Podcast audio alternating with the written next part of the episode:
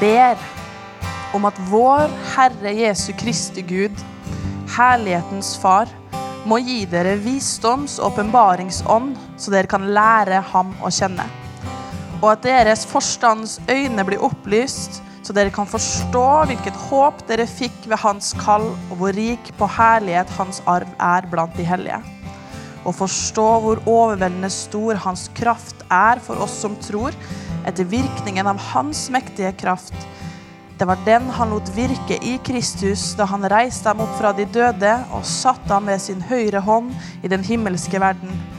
Høyt over all myndighet og makt, kraft over herredømme, over hvert navn som nevnes, ikke bare denne tidsalder, men også i den kommende. Takk, Herre, at du gir oss visdom og åpenbaringsånd i dag, så vi kan lære det å kjenne. Så vi kan forstå, Herre, slik at vår forstandsøyne blir opplyst. Så vi kan forstå håpet som du har gitt til oss, Herre. Hellige Ånd, ber om at du kommer med den visdommen. Takk for at det er du som er den ånden, Hellige Ånd. Du som er visdoms- og åpenbaringsånd, slik at vi kan få lov å bli kjent med Jesus. Og med den Gud som vi tjener, Herre. Herre, led hvert et ord, Herre, og led de tankene som vi har, som vi tenker rundt det som blir sagt, Herre. I Jesu mektige navn. Amen. Det er herlig, hæ? At det er Paulus som ber for oss. Vi kan ta den personlig i dag, men også for den menigheten som var den gang da. Om at vi skal få den ånden som forstår. Og den ånden har jo blitt utgitt, utøst. Vi feirer pinse, menighetens bursdag. Gratulerer med dagen. Og vi feirer at Den hellige ånd er her. Er ikke det bra? Jeg vet i hvert fall det at det er mange ting som jeg ikke hadde klart uten Den hellige ånd. Som f.eks. å snakke til deg i dag. F.eks. å leve det vanlige livet og ikke, ikke gjøre alle de tingene som jeg egentlig har lyst til å gjøre. I dag skal vi snakke om Den hellige ånd. Så klart, det må vi jo gjøre. Og vi skal begynne å snakke om hva Jesus sa om Den hellige ånd. For Jesus han snakka jo masse masse, masse om Den hellige ånd. Men først håper du har Bibelen din i dag, så skal vi lese Markus 10, 33 og 34. Her er det verdt å ta med seg Bibel, og hvis du ikke har det, og notere ned alle bibelversene, så går vi litt inn på Bibelen i dag, faktisk. Inn i det som står der. Det er Markus 10. Vi kan begynne i vers 32 og til 34. De var nå på vei opp til Jerusalem, og Jesus gikk først. De var forundret mens de fulgte etter og ble redde. Da tok han igjen de tolv til side og begynte å fortelle om alt som skulle skje med ham. Se, vi går opp til Jerusalem, og menneskesønnen skal bli overgitt til øversteprestene og de skriftlærde.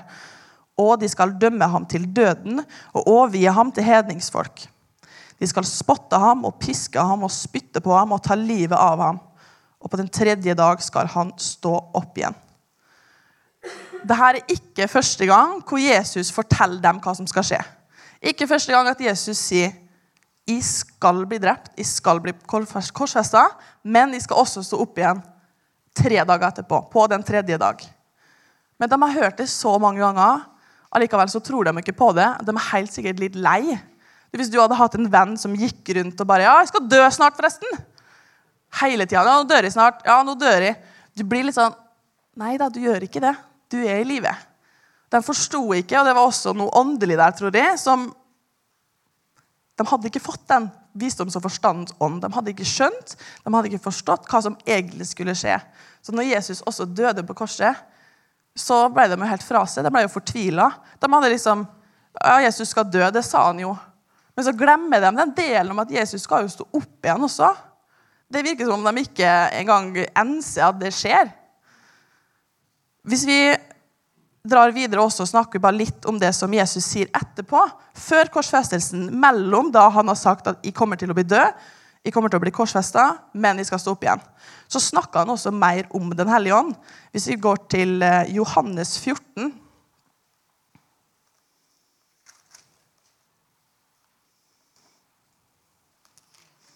Johannes 14, vers 15 til 17. Hvis dere elsker meg, så hold mine bud. Og jeg vil be Far, og han skal gi dere en annen talsmann. Jeg synes også det er veldig interessant at det står 'en annen talsmann'. For da sier han også at Jesus er talsmann. Jesus snakker på vegne av Gud, men vi skal få en annen talsmann som har samme funksjon som Jesus hadde for dem der.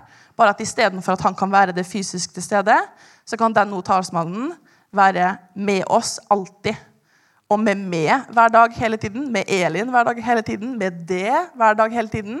Og ikke bare der han faktisk var, på et sted, fysisk sted på jorda, men overalt. En annen talsmann. For at han skal bli hos dere til evig tid. Sannhetens ånd. Her er det igjen sannhetens ånd. Som skal gi oss visdom og forstand til å forstå hvem Jesus er, og bli kjent med han som verden ikke kan få, siden den verken ser ham eller kjenner ham. Men dere kjenner ham, for han blir hos dere og skal være i dere. Og det er vi glad for. Jesus sa mye mer om Den hellige ånd. Vi går videre til Johannes 16, 5-15. Vi skal ikke ta alt som Jesus sa, for det er ganske mye. Men dette er noe av det som blir huska og det som blir gjenfortalt, og det som kan være veldig viktig for vårt personlige liv. Igjen Johannes 16, 5-15. Men nå går jeg bort til ham som har sendt meg, og ingen av dere spør meg, hvor går du? Jeg har sagt dere alt dette, og det har fylt hjertene deres med sorg. Likevel sier jeg dere sannheten. Det er til det beste for dere at jeg går bort. Hvis jeg ikke går bort, kommer ikke talsmannen til dere, hvis jeg går bort, skal jeg sende ham til dere. Når han kommer, skal han overbevise dere om synd, rettferdighet og dom. Om synd fordi de ikke tror på meg. Om rettferdighet fordi jeg går til min far, og dere ser meg ikke lenger. Og om dom fordi denne verdens fyrste er dømt. Jeg har ennå mye å si dere, men dere kan ikke bære det. Men når Han, sannhetens ånd, kommer, skal han veilede dere til hele sannheten. Han skal ikke tale ut ifra seg selv men det han hører Det var jo akkurat det Jesus gjorde også.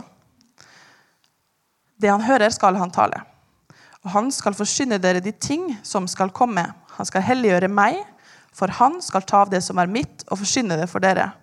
Alt det far har, er mitt. Derfor ga, eh, sa jeg at han skulle ta av det som er mitt, og forsyne det for dere. Så det her er jo det Jesus sier. At Den hellige ånd tar av Guds og gir til oss. Tar av det som Jesus har, og gir til oss. Som også forsterker at vi skal jo bli lik Jesus. Mer og mer. For dag for dag for dag. Og det er Den hellige ånd som gir det her til oss. Og så skjer det jo da det, det Jesus snakker om. Han dør, han går til sin far, han går til himmelen, og de lurer på Ja, nå, da? Hva skjer nå? Vi kan lese også apostelgjerningene. Vi begynner i kapittel 1. Det er bra, er det ikke fint at eh, Gud har skrevet ned alt det han vil si til oss? At vi kan få lov å lese det og legge det fram og snakke om det? Vi begynner rett og slett bare i én og leser der. Det første skriftet jeg skrev Teofilus Klarte det? Om alt det Jesus begynte å gjøre og lære, inntil den dagen da han ble tatt opp, etter at han ved Den hellige ånd hadde gitt befalinger til de apostlene han hadde utvalgt. For dem viste han seg også levende etter sin lidelse med mange sikre bevis, og han ble sett av dem i løpet av 40 dager og talte om de ting som hører Guds rike til. Da han var sammen med dem, befalte han dem å ikke forlate Jerusalem, men å vente på Faderens løfte. Det dere har hørt av meg. Ja. Det vil si her er jo at Jesus han måtte bevise for dem i 40 dager at jeg er levende igjen. Han døde, og han sto opp, og han møtte først Peter, og så møtte han disiplene, og så står det også en plass at han møtte 500 stykker. Det er mange som har sett Jesus. Mange som har møtt Jesus etter at han døde, og alle visste at Jesus hadde dødd på korset. Så det var ganske så sikkert og ganske så bevist at Jesus sto opp fra de døde. Og Nå kommer vi til det punktet der Jesus igjen gir løftet, i vers 5. For Johannes døpte jo med vann, men dere skal bli døpt med Den hellige ånd mange, ikke mange dager heretter. Da de var kommet sammen, spurte de ham, 'Herre, vil du på den tiden gjenopprette riket for Israel?' Han svarte dem, 'Det er ikke deres sak å kjenne tider og stunder som Faderen har underlagt sin egen myndighet.' 'Men dere skal få kraft når Den hellige ånd kommer over dere.' 'Og dere skal være vitner om meg i Jerusalem, i Judea eh, og Samaria, helt til jordens ende.' Jesus han gir det løftet som har vært gitt for mange, mange, mange år siden. Igjen så sier han Den hellige ånd skal komme. Det står i Joel 3. Så står det at deretter skal det skje at jeg skal øse ut min ånd over alt kjød. Og det her var jo uhørt på den tida. At bare alle skulle få Den hellige ånd. At alle skulle få Guds ånd. Fordi For det første så var ikke folk rettferdige. For det første så kunne ikke folk møte Gud. Hvis man møtte Gud, så kunne man dø. Fordi Gud var så hellig, og det var ikke vi. For det tredje så var det kun profetene som fikk Den hellige ånd over seg i en liten periode. Profet Gud sa det han ville si, og gikk bort igjen. Det var sånn det var.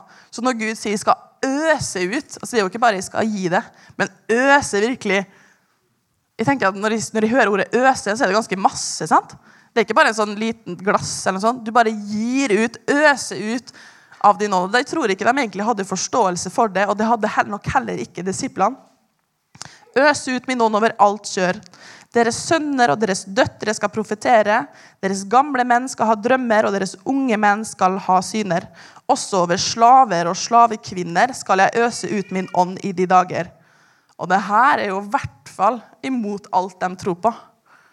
Alt de tror på, så er jo slavene de er jo langt der nede. De er nesten ikke verdige til å tro på Israels Gud. Og de skal få ånd. Så står det også jeg skal la tegn vise seg på himmelen og på jorden, blod, ild og røyksøyler. Solen skal forvandles til mørke og månen til blod før Herrens dag kommer, den store og fryktinngytende. Det skal skje. Her kommer nok det som var mest sykt av alt. Hver den som påkaller Herrens navn, skal bli frelst. Her står det ikke Israels folk, og her står det ikke de perfekte og de hellige. Her står det 'hver den'. Det er ganske, ganske imot alt de tror på. Det var da Joel 3, 1-5. Det som da også igjen Det har jo de jo skjønt. De skjønner det her etter hvert. Vi går tilbake til apostelgjerningene. Håper du er med i din bibel, hvis ikke så kan det være vanskelig å følge med. Tilbake til apostelgjerningene, kapittel 1. Da har Jesus gitt dette løftet. Jesus har gitt løftet. Dere skal bli døpt med Hellig ånd ikke mange dager heretter. Jesus har sagt du skal få kraft når Den hellige ånd kommer over dere. Så står det i vers 9. Da han hadde sagt dette, ble han tatt opp mens de så på, og en sky tok ham ut av syne. Mens de stirret opp mot himmelen idet han steg opp, se da sto to menn hos dem i hvite klær. De sa, Galileiske menn, hvorfor stirrer dere opp mot himmelen? Den samme Jesus som ble tatt opp, til, eh, opp det, fra dere til himmelen, skal komme igjen på samme måte som dere så ham fare opp til himmelen. Og plutselig var Jesus borte. Men den gangen her så visste de at de ikke skulle gå fra hverandre. Når Jesus døde, så splitta de. De gikk tilbake til det de gjorde. De gikk tilbake til å fiske. De gikk tilbake til å bare, Det er bare tre dager, men de bare gikk tilbake til det vanlige livet. Men den gangen her, i vers 14, alle disse holdt seg samstemt til bønnen og påkallelsen sammen med noen kvinner, Maria, Jesu mor og hans brødre. De holdt seg sammen. De gikk opp i den øvre sal. Jeg har vært der, Israel. Veldig kult. Anbefaler å dra til Israel. Veldig liten sal, faktisk. 120 stykker var da der inne og holdt seg til det. Så kommer Den hellige ånd. Vi går til andre kapittel nå. Vi leser fra en da pinsedagen var kommet. Dagen som vi feirer i dag, pinsedag, som er den 50. dag. Det betyr ikke det? 50? Da pinsedagen var kommet, var de alle samlet på samme sted med samstemt stinn.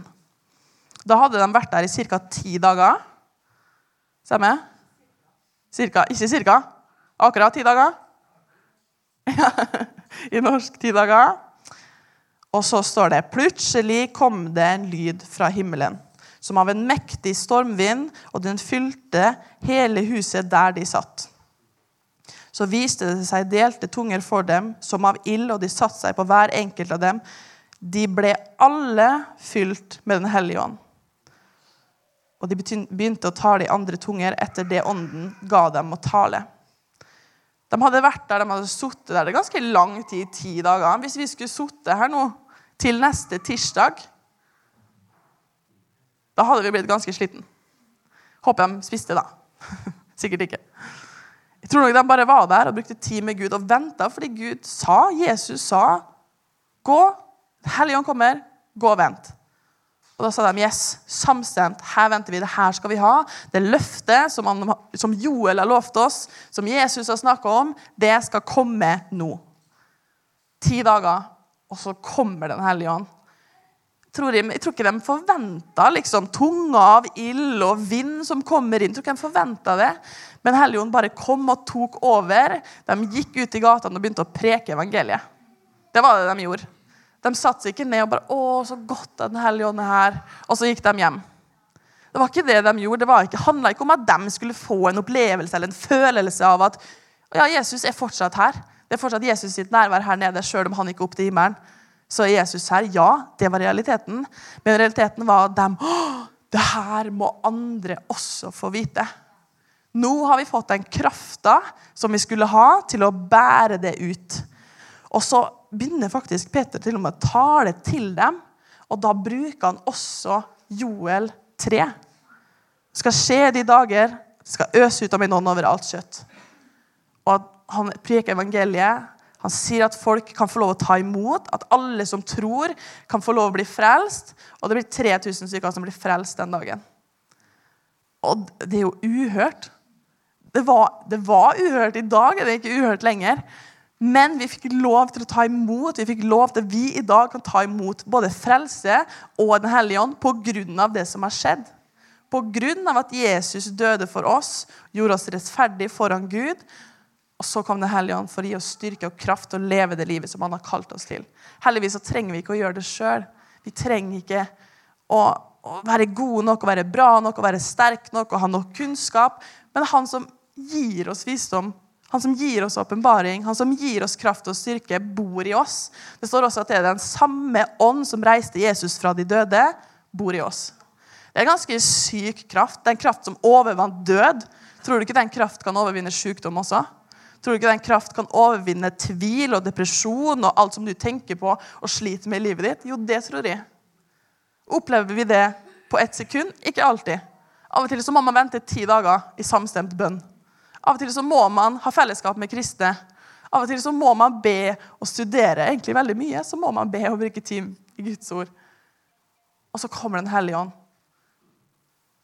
som er Gud. Akkurat sånn som Jesus er 100% Gud, så er Den hellige ånd også 100% Gud. Det er ikke en vind som går her og der. Kan komme som en vind, kan komme som en brann, kan komme som en fred. Men det er 100% Gud. Av og til så blir Den hellige ånd satt litt på sidelinja. Men det er tre i én. Det er ikke tre deler.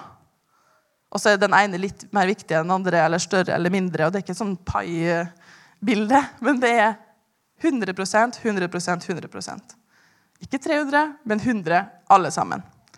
Vanskelig for oss å forstå i vårt matematiske system, men det er derfor vi har tro. Sånn tror vi at det er, og så er det sånn. Veldig bra.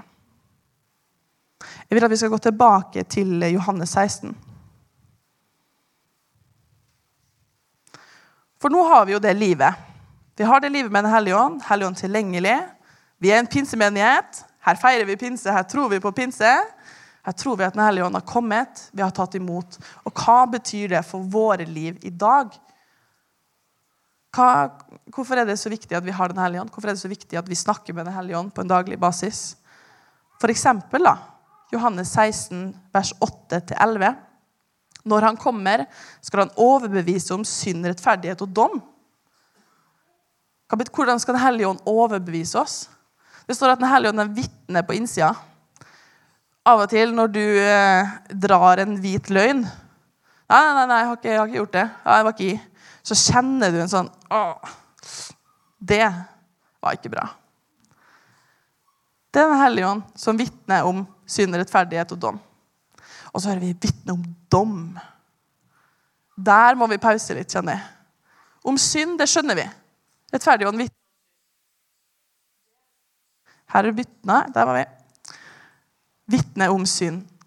Vi skjønner at når vi synder, så får vi dårlig samvittighet, og det er Den hellige ånd som sier det var ikke så bra. Men heldigvis er det tilgivelse, og vi kan gå til Gud si unnskyld i angre. Den samvittigheten er viktig å lyde når du kjenner at oi, det skulle jeg ikke ha sagt. Oi, det var dumt. Da kan man si unnskyld, tilgi meg. Til den personen det var, til deg sjøl, om det var mot deg sjøl, og til Gud. Så er du gjenoppretta om det. Om rettferdighet. Den hellige ånd vitner om rettferdighet. Om at du er bra nok. Du er rettferdig, du er hellig, du er rein fordi Jesus døde på korset for det. Og det er tro som vi må ta imot. Gang etter gang etter gang. Den hellige ånd overbeviser oss om rettferdighet. Og overbeviser om dom. Men hva står det her da i vers 11? Det står 'fordi denne verdens fyrste er dømt'. De to første handler om andre. Fordi, om synd fordi den ikke tror på meg. Om rettferdighet fordi jeg går til min far. Som vil si at Jesus var Gud. Om dom fordi denne verdens fyrste er dømt. Så det er ikke vår dom det er snakk om her. Den hellige ånd vitner om at denne verdens fyrste er dømt. Fienden, djevelen, Satan er dømt, overvunnet. Så da kan vi vite det at når jeg føler at det er ingen vei ut, og det er bare nederlag, så kommer Den hellige ånd og vitner om dom. Nei, denne frykta kan ikke overvinne det. Den frykta her tilhører denne verdens fyrste. Han er dømt. Jeg er ikke dømt. Jeg er rettferdig. Jeg er rettferdig og fri fra synd. Men den, denne verdens fyrste, er dømt. Det er Den hellige ånd vitner om. Og det er jeg takknemlig for. At Den hellige ånd hjelper meg og minner meg på Oi, Ester, skjerp deg. Forsiktig nå. Det var ikke bra. Men også Du, det her er ikke din feil. Den frykta her er ikke din. Depresjonen her er ikke din. Tvilen her er ikke din. Det tilhører der. Du er rettferdig, du. Du er hellig. Du har en Gud, og du har en kraft på innsida som gir deg styrke og fred og kjærlighet. Amen? Ja, Det var bra du var enig.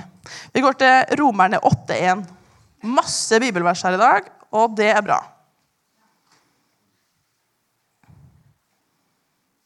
Mm.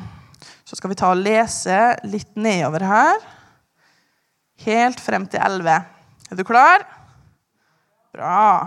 Romerne 8,1. Derfor er det nå ingen fordømmelse for dem som er i Kristus.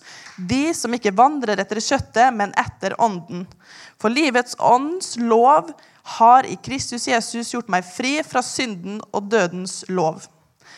For det som var umulig for loven, siden det var maktesløs pga. kjøttet, det gjorde Gud ved å sende sin egen sønn i syndig kjøtts lignelse og for syndens skyld. Han fordømte synden i kjøttet for at lovens rettferdige krav skulle bli oppfylt i oss, vi som ikke vandrer etter kjøttet, men etter ånden. For de som lever etter kjøttet, retter sinnet mot det som hører kjøttet til. Men de som lever etter ånden, retter sinnet mot det som hører ånden til. For kjøttets sinnelag, vi kan si tankegang, måten å tenke på, er død. Men åndens sinnelag er liv og fred. For kjøttets sinnelag er fiendeskap mot Gud, for det bøyer seg ikke under Guds lov og har heller ikke evne til det. De da som styres av kjøttet, kan ikke være til behag for Gud. Men, de, men dere styres ikke av kjøttet, men av ånden, så sant Guds ånd bor i dere. Hvis, noen, eh, hvis noen ikke har Kristi ånd, hører han ikke ham til. Dersom dere er i Kristus, er vel også kroppen død pga. synd, men ånden er liv pga. rettferdighet. Hvis Hans ånd, som oppreiste Kristus fra de døde, bor i dere, da skal Han som oppreiste Kristus fra de døde, også levendegjøre de dødelige kroppene deres ved sin ånd, som bor i dere. Alt det her det streker jo bare under det vi akkurat har snakka om. Det er rett og slett Det var det jeg sa. ja, det har eh, ukene i. Men det viktigste vi stopper på her, er at kjøttets sinnelag er død, men åndens sinnelag er liv og fred. Kjøttets sinnelag er fiendskap mot Gud, for det bøyer seg ikke under Guds lov. Har du noen gang fått uh, undervisning om uh, ånd, sjel og kropp? Det var dumt, for da kan jeg ta feil. du må si ifra. Så da Vi har en, vi en kropp, eller har en kropp som har en sjel, som har en ånd. Enig? Det var bra. Så kroppen er ytterst. Inni der er sjela, og inni der er ånden. Men det som også er når man ikke er frelst, så er det sjela som er sjefen over kroppen. Når man ikke har tatt imot Jesus, så er sjela over kroppen. Som vil si, du gjør det du vil. Du gjør det du føler best, det du kjenner på det. Sjelen er følelser, våre tanker, egoisme, alt det her. Eh, fornærmelse, det ligger her i sjela. Og så har vi ånda, som ligger innerst der. Som da blir Når du har tatt imot Den hellige ånd, når du begynner å leve, vandre etter ånden, så blir ånda sjefen over sjela, som da betyr også at sjela Nei, ånda har, er sjefen over kroppen. Og det er jo det vi vil ha. Det er jo det vi vil. At ånda er, er sjefen. At vi kan få lov å vandre etter og alltid velge det som er rett i Guds øyne, det som er under Guds lov, det som leder til fred og ikke til død. Fordi sjelen sitt sinnelag, sjelen sin måte å tenke på, fører til død. Enkelt og greit. Rett fram til død. Mens ånda leder til fred og liv. Altså, Jeg vet ikke med det, men jeg vil ha liv. Jeg vil at ting skal skje, jeg vil at det skal være liv i både meg og min ånd. Og jeg vil ikke være død på innsida. I hvert fall ikke det. Men så må vi vandre etter ånden. Det er en vandring, det er en tur, det er en vei som vi skal gå. Som jeg alltid vil være å høre på den overbevisninga som Den hellige ånd gir om synd, rettferdighet og dom. Og vandre etter det. Kommer vi til å følge sjela av og til? Følelsene våre og frykten vår og fornærmelsene våre? alt sånt der? Ja. Bør vi det? Nei. Men det vi bør, er å alltid følge den overbevisninga som Den hellige ånd gir. Må du si unnskyld? Si unnskyld. Må du be om trivelse? Gjør det. Er det noe du må slutte med? Vær så snill. La Ånden være liv. Vi skal gå videre på det som har med å vandre i ånden, og Galaterbrevet snakker jo om det. Vi går til Galaterbrevet 5. Galaterbrevet 5, 16 og 18. Skal vi se For kjøttet står imot ånden. Kjøttet vil da være sjela, egentlig, ikke kroppen. Og ånden imot kjøttet. Disse to står imot hverandre for at dere ikke skal gjøre de ting dere vil. Det står også at det er noen ting som virker rett for mennesket. Som virker rett for dem som ikke har blitt kjent med Gud. Som konferansen får være hat og hevn og gå imot og ta igjen og snakke stygt om og sånne ting som vi har gjort alle sammen. For vi er født inn i det. Men vi må gi plass til Ånden. Vi må velge å vandre etter Ånden. Hvis ikke så lever vi i det som Bibelen her kaller for kjøttet. Vers 18.: Men hvis dere blir ledet av Ånden, da er dere ikke under loven. Ja, veldig bra. Vi går videre her.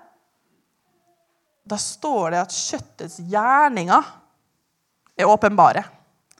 Det er tydelig at det kommer fra din egoisme. Det er tydelig at det kommer fra et sted som bare det er viktig at det er jeg som har det bra. Det er viktig at det, det her er det beste for meg.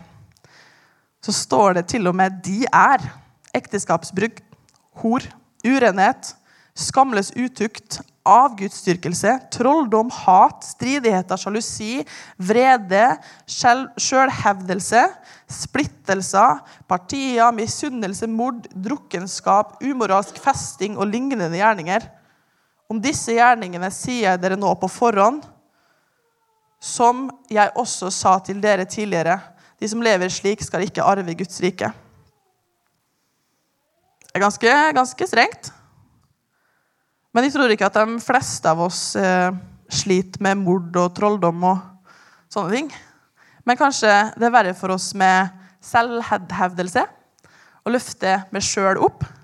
Kanskje med hat, urenhet.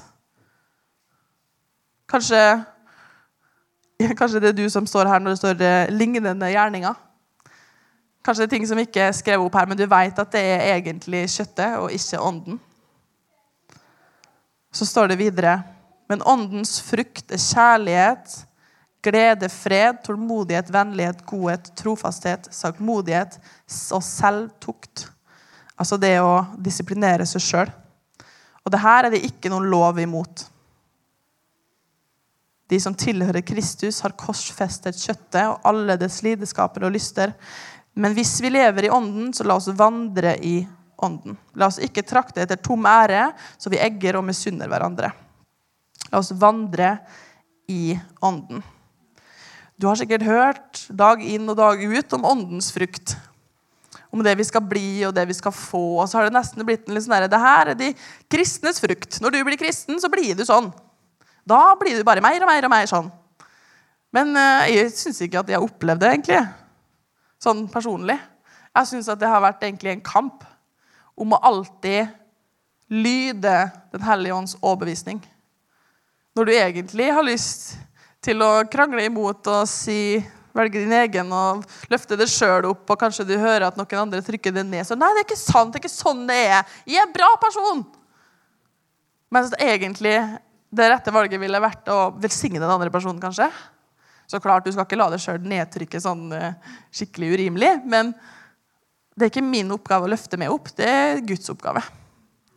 Og da kan jeg bare slappe helt av og dele det som jeg føler å dele. Altså det er Gud som må løfte opp og sette ned. Glede, det føler jeg noe jeg må velge. Jeg må velge at nei, men jeg er fornøyd med livet mitt.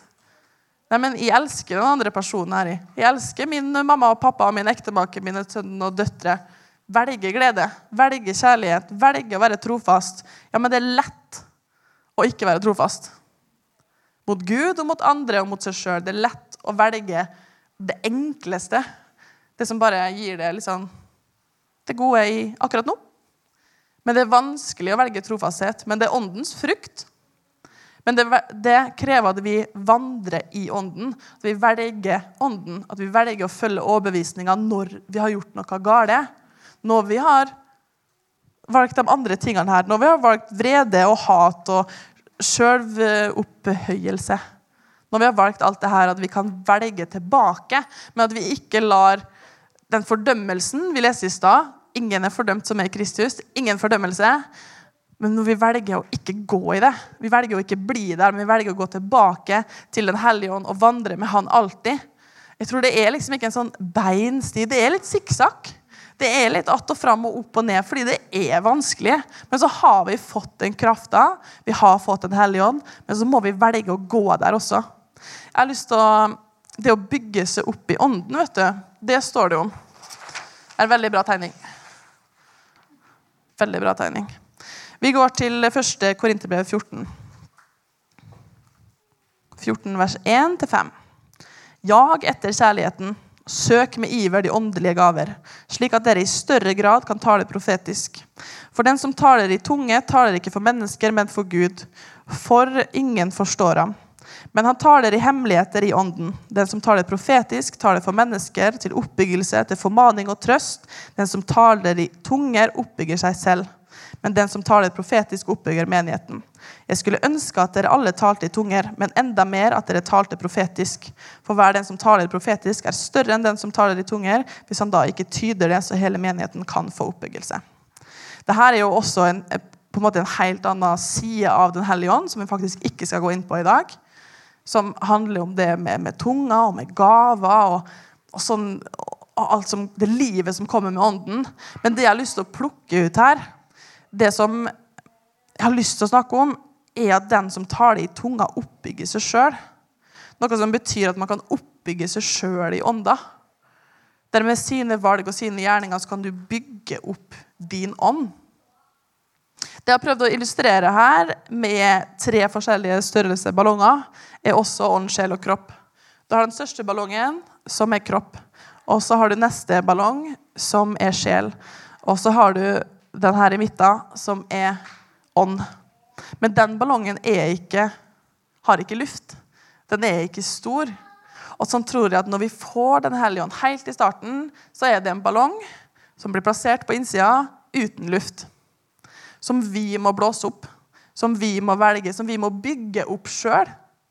Så når vi begynner å velge å bruke tid med Den hellige ånd, velge å bli oppbygga, i bønn, i tunga, å være i Guds nærvær. Komme i kirka og få undervisning. Bli med og tjene gi gatekirka.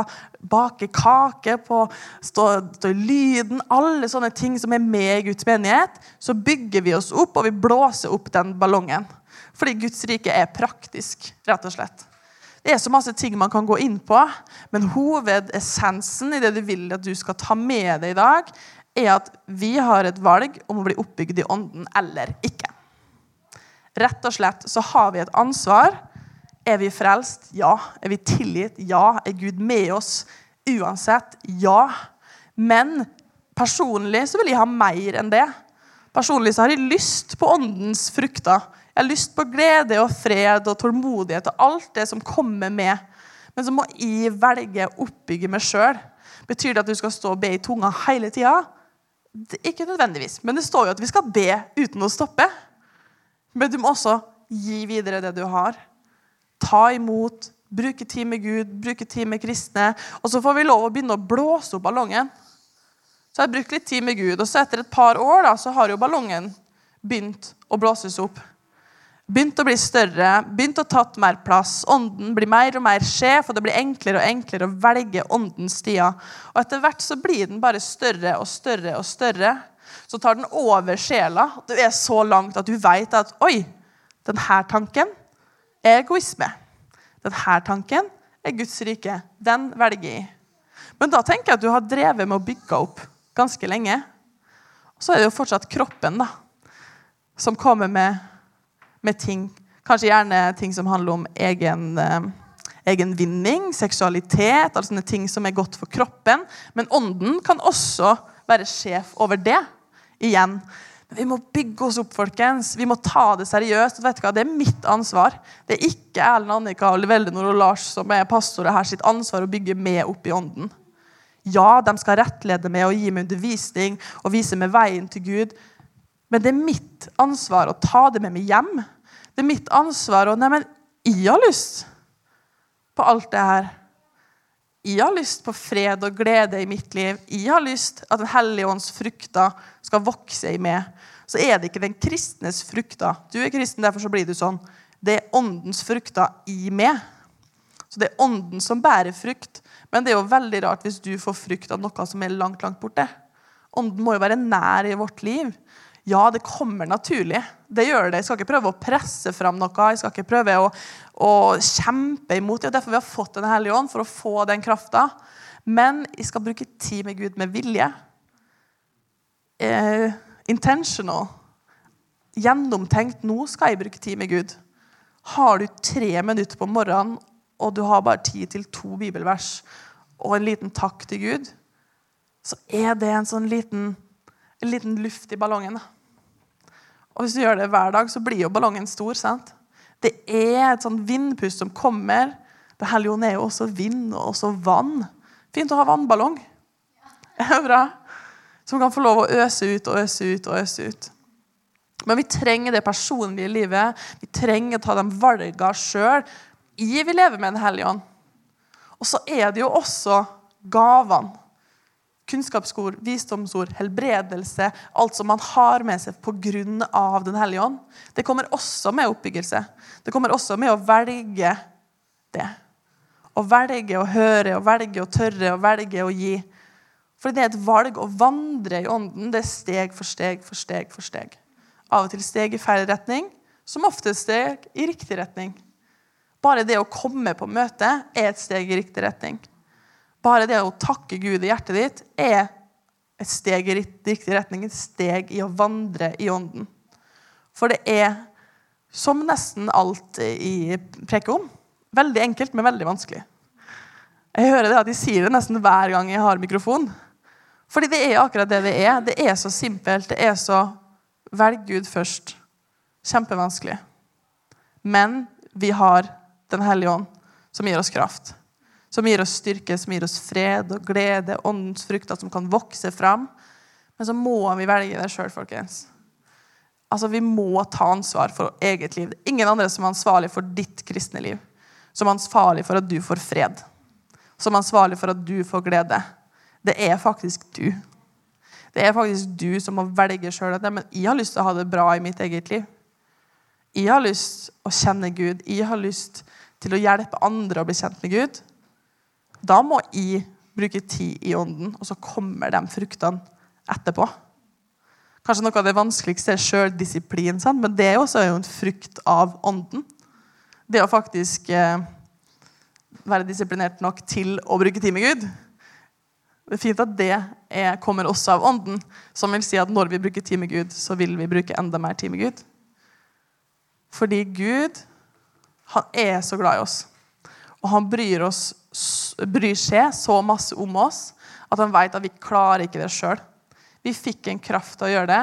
Jeg kjenner jeg gjentar meg sjøl igjen og igjen. Det er fordi det er så vanskelig, men det er så lett. Vi må bare vandre med Gud. Og For noen så tar det veldig lang tid, for noen så går det fort. Og så er ikke det pga. at noen er mer spesielle enn andre, og det er enklere for andre eller ikke. Men det er fordi at man tar valg. Jeg skal vandre med Gud, jeg skal følge Gud, jeg skal bruke tid med Gud. Og så ser man det kanskje ikke på utsida, men så ser man det på innsida at åh, oh, det mennesket her har brukt tid med Gud. Det mennesket her vandrer i ånden. Når jeg møter det mennesket her, så kjenner jeg fred og glede og stabilitet. Og alt som kommer med som frukt av ånden. Så min oppfordring i dag er til å begynne å blåse opp den ballongen. Mer og mer og mer, og la den ballongen få lov å fylle de to andre ballongene òg. Slik at når du, når din sjel, som da er, som da er egoisme og følelser, ikke styrer dine gjerninger at din frykt ikke styrer det du gjør. At misunnelse og at du tror at du ikke er bra nok, og at du ser ned på deg sjøl, ikke får lov å styre den du er, og det du gjør. Men at det Gud sier om det, fordi du kjenner Gud, fordi du lever i ånden, som ikke er noe sånn svevende åndelige greier som nesten er litt sånn skummelt. Det er kjempenaturlig, fordi du er født på ny. Du har Den hellige ånd på innsida. Som vil si at det er naturlig for deg å vandre i ånden. Må du velge det? Ja. Det må vi. Så jeg oppfordrer deg i dag til å velge Den hellige ånd i alt som du gjør. Til å velge å ta med Gud. Gud, jeg skal på butikken i dag. Snakk til meg. Kanskje han snakker til deg, eller kanskje han vil at du skal snakke til noen andre. Gud, nå skal jeg spise frokost. Kan ikke bare spise frokost sammen med deg? Nå skal jeg legge meg. Kan ikke du snakke til meg i søvne i natt? Det står et sted i Bibelen at Gud han jobber i oss mens vi sover. Og ønsker deg velkommen. Gud jobber med mens vi sover. Den hellige ånd kan få komme inn og jobbe med dine tanker og dine følelser og den du er. Alltid bare velge Gud, men å være bevisst på det. Skal du velge Gud denne uka her? Skal du velge å vandre i ånden? Skal du velge å bare holde det på rett sti? Går noe gærent, Gå tilbake. Må du be om tilgivelse? Gjør det. Må du si unnskyld? Gjør det. Må du tilgi? Er det noen som har gjort noe mot det? Gjør det. 70 ganger 7 skal vi tilgi. daglig. Men alltid bare velg bort alt som har med kjøttet å gjøre, med sjela, og velg ånden. For det har vi fått kraft til. Fordi Den hellige ånd er utøst i våre hjerter og har gitt våre hjerter liv og kraft. Jeg har lyst til å bare be for det på slutten her.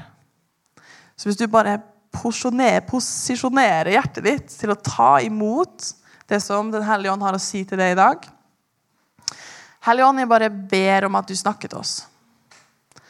Jeg ber bare om at du viser hver enkelt som er her, hva du har for dem denne uka, her, Herre. Hva du har for dem i livet, hva de må velge bort, Herre. Hva de må be om tilgivelse for, hva de må tilgi, hvilke valg de må ta for å kunne vandre i ånden. Hellige Ånd, vi vil bare vandre med det.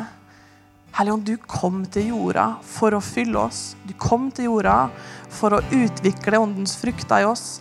Du kom til jorda for å gi oss kraft og styrke, for å ta bort frykt. Nei, for å ta bort, ja, ta bort frykt, men ikke for å ta bort vår kjærlighet og vår kraft, men for å fylle den på. Herre, vi bare ber om at du kommer med nærhet, du kommer med styrke. Ber om at de skal få lov å kjenne en hunger til å bare bli kjent med det mer, Herre.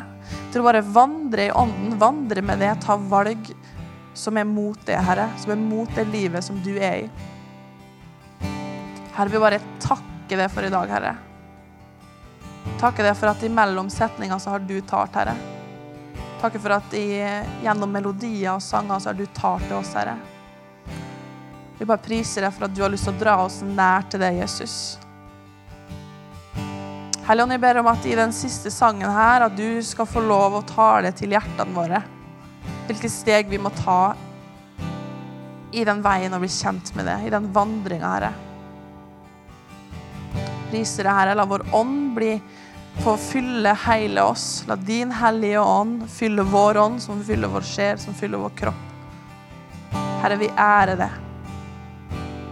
Takk, Jesus. Takk, Jesus. Kan bare reise oss opp sammen, og så priser vi Gud og spør Den hellige ånd. Er det noen steg jeg må ta? Er det noen retning jeg må gå i? Hvordan kan jeg få bli kjent med det mer?